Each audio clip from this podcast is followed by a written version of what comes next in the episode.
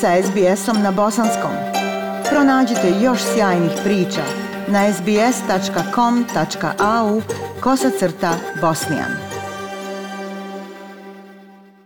Prema novom istraživanju, u Australiji bi se u narednoj deceniji moglo roditi preko pola miliona djece u siromaštvu, ukoliko se ne preduzmu hitne mjere izvještaj o nepovoljnom položaju The Disrupting Disadvantage Report Komiteta za ekonomski razvoj Australije otkriva da zemlja treba da koristi lokalne podatke kako bi bolje identifikovala i podržala ljude koji su zarobljeni u siromaštvu. Daniel Malbasa je odrastao u Australiji u financijskom, ekonomskom i jezički nepovoljnom položaju. Preživio je dva građanska rata u bivšoj Jugoslaviji prije nego što je pobjegao od sukoba kada je imao samo 13 godina. Stigao je u Australiju gdje njegova porodica nije govorila ni riječi engleskog i koja je imala vrlo malo novca. Završio je kao svojevrsni prevodilac za srpsko-hrvatsko-bosanske zajednice. Osjećajući se ograničenim lošim poštanskim brojem pod kojim je živio u sjevernom predgrađu Adelaida, Daniel se osjećao nepodržanim i zanemarenim. I knew that the cards were stacked against me and I'll have to work four times or five times harder than the kid across the road just to be the exception.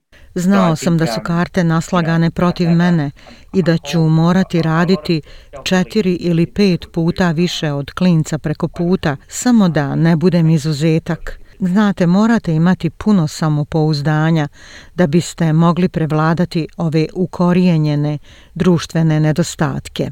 Danas 17,7% australske djece mlađe od 15 godina živi u siromaštvu. Izvještaj o nepovoljnom položaju koji je izradio Komitet za ekonomski razvoj Australije otkriva da zemlja mora promijeniti način na koji identifikuje i podržava ljude u nepovoljnom položaju kako bi spriječila da skoro pola miliona australske djece doživi siromaštvo u narednoj deceniji. Glavni ekonomista Komiteta za ekonomski razvoj Gerard Ball kaže da oni koji su iskusili siromaštvo u djetinjstvu imaju više od tri puta veće šanse da će ga iskusiti u odrasloj dobi. One of the really difficult things is that we know that early interventions tend to be the most effective. Mislim da je jedna um, od zaista teških stvari to što znamo da su rane intervencije najefikasnije. Ali naravno, ljudi se provlače kroz pukotine, ne radimo prave intervencije dovoljno rano.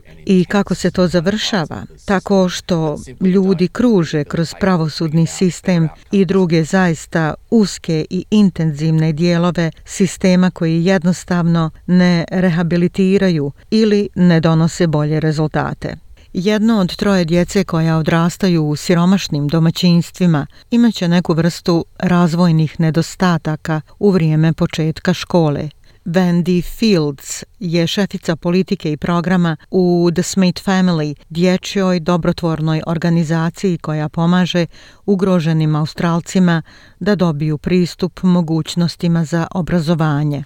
Ona kaže da će svako treće dijete koje odrasta u siromašnim domaćinstvima imati neku vrstu smetnji u razvoju u vrijeme polaska u školu. By the time disadvantaged young people get to age 15, Jaz u toku školovanja zapravo raste, tako da mladi u nepovoljnom položaju do 15. godine mogu zaostajati i do 3 godine za svojim vršnjacima u školovanju.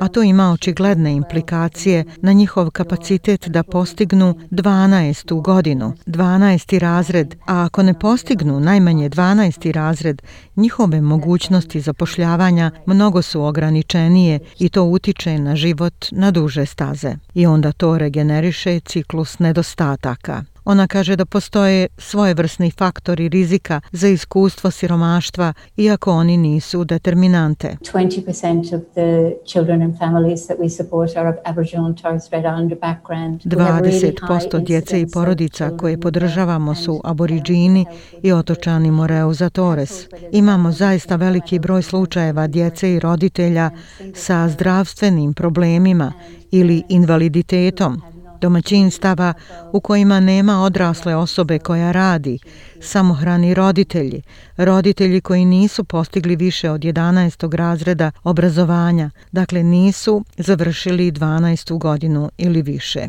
Gospodin Bol kaže da izvještaj identificira mnogo veće ekonomske poteškoće unutar marginaliziranih zajednica. People in these communities sometimes slip through the cracks because Također, nalazimo da ljudi u ovim zajednicama ponekad promaknu jer nemaju interakciju sa sistemom u drugim područjima, ne idu kod liječnika opšte prakse ili ih upućuje druga služba i može im biti teško da se uključe. Dakle, dio onoga što želimo vidjeti je proaktivni pristup angažovanju sa ljudima koji trenutno ne primaju usluge ili podršku i pokušati da se nešto od toga, servisi i podrške, pruže što je prije moguće i da se pomogne ovim ljudima. Za Daniela univerzitet nikada nije bio ponuđen kao opcija za djecu koja žive u njegovom ugroženom kvartu. Poverty in Australia is not just a monetary sense, it's also lack of networks. Siromaštvo u Australiji nije samo monetarni smisao, to je i nedostatak mreže, nedostatak ljudi koji bi vam otvorio vrata. Znate, ja nisam išao u privatnu školu gdje je postojao klub starijih dječaka koji bi ti mogli nekako pomoći da olakšaš veze kroz život. Te veze zaista moraš sam pronaći. A ako ne, propadneš kroz pukotine i jednostavno ne možeš, ne uspijevaš. Dakle, to je realnost siromaštva u ovoj zemlji da se pretvaramo da ono ne postoji. Ali postoji. Izvještaj sugeriše da će pristup financiranju zajednica u nepovoljnom položaju zasnovan na podacima pomoći u prikupljanju informacija o određenim populacijama kako bi se odgovorilo na njihove specifične potrebe. Gospodin Bol kaže da su australski sistemi za podršku siromašnim porodicama fragmentirani i neinformisani. It's really about getting better information on Zaista se radi o dobijanju boljih informacija o tome šta se dešava na lokalnom nivou. Jedna od povratnih informacija koje redovno dobijamo od različitih grupa je da ne razumiju nivo potreba ili usluga koje će biti najbolje za određeno lokalno stanovništvo. U 2015. godini, kao dio posvećenosti zemlje ciljevima održivog razvoja Ujedinjenih naroda, Australija se obavezala da će prepoloviti broj svojih građana koji žive u siromaštvu do 2030. godine. U 2021. udio Australaca koji žive u siromaštvu i dalje je iznad 13%, uključujući skoro tri četvrtine miliona djece. Daniel kaže da bi došlo do temeljne promjene ako bi vlada ponovo uložila u škole, ponudila mentorstvo i eliminisala stigmu siromašne djece koja ne mogu postići ekonomske i obrazovne ciljeve a on je sada veoma uspješan advokat koji živi u Melbourneu.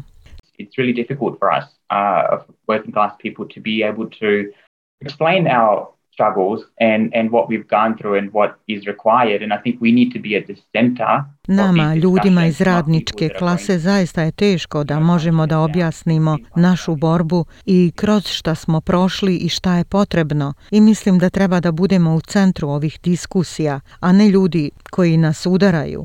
Dovoljno smo bili udarani. Sada treba da se podignemo. Ja sam Aisha Hadži Ahmetović. Ostanite uz program SBS radija na bosanskom jeziku. Like, share, comment. Pratite SBS Bosnian na Facebooku.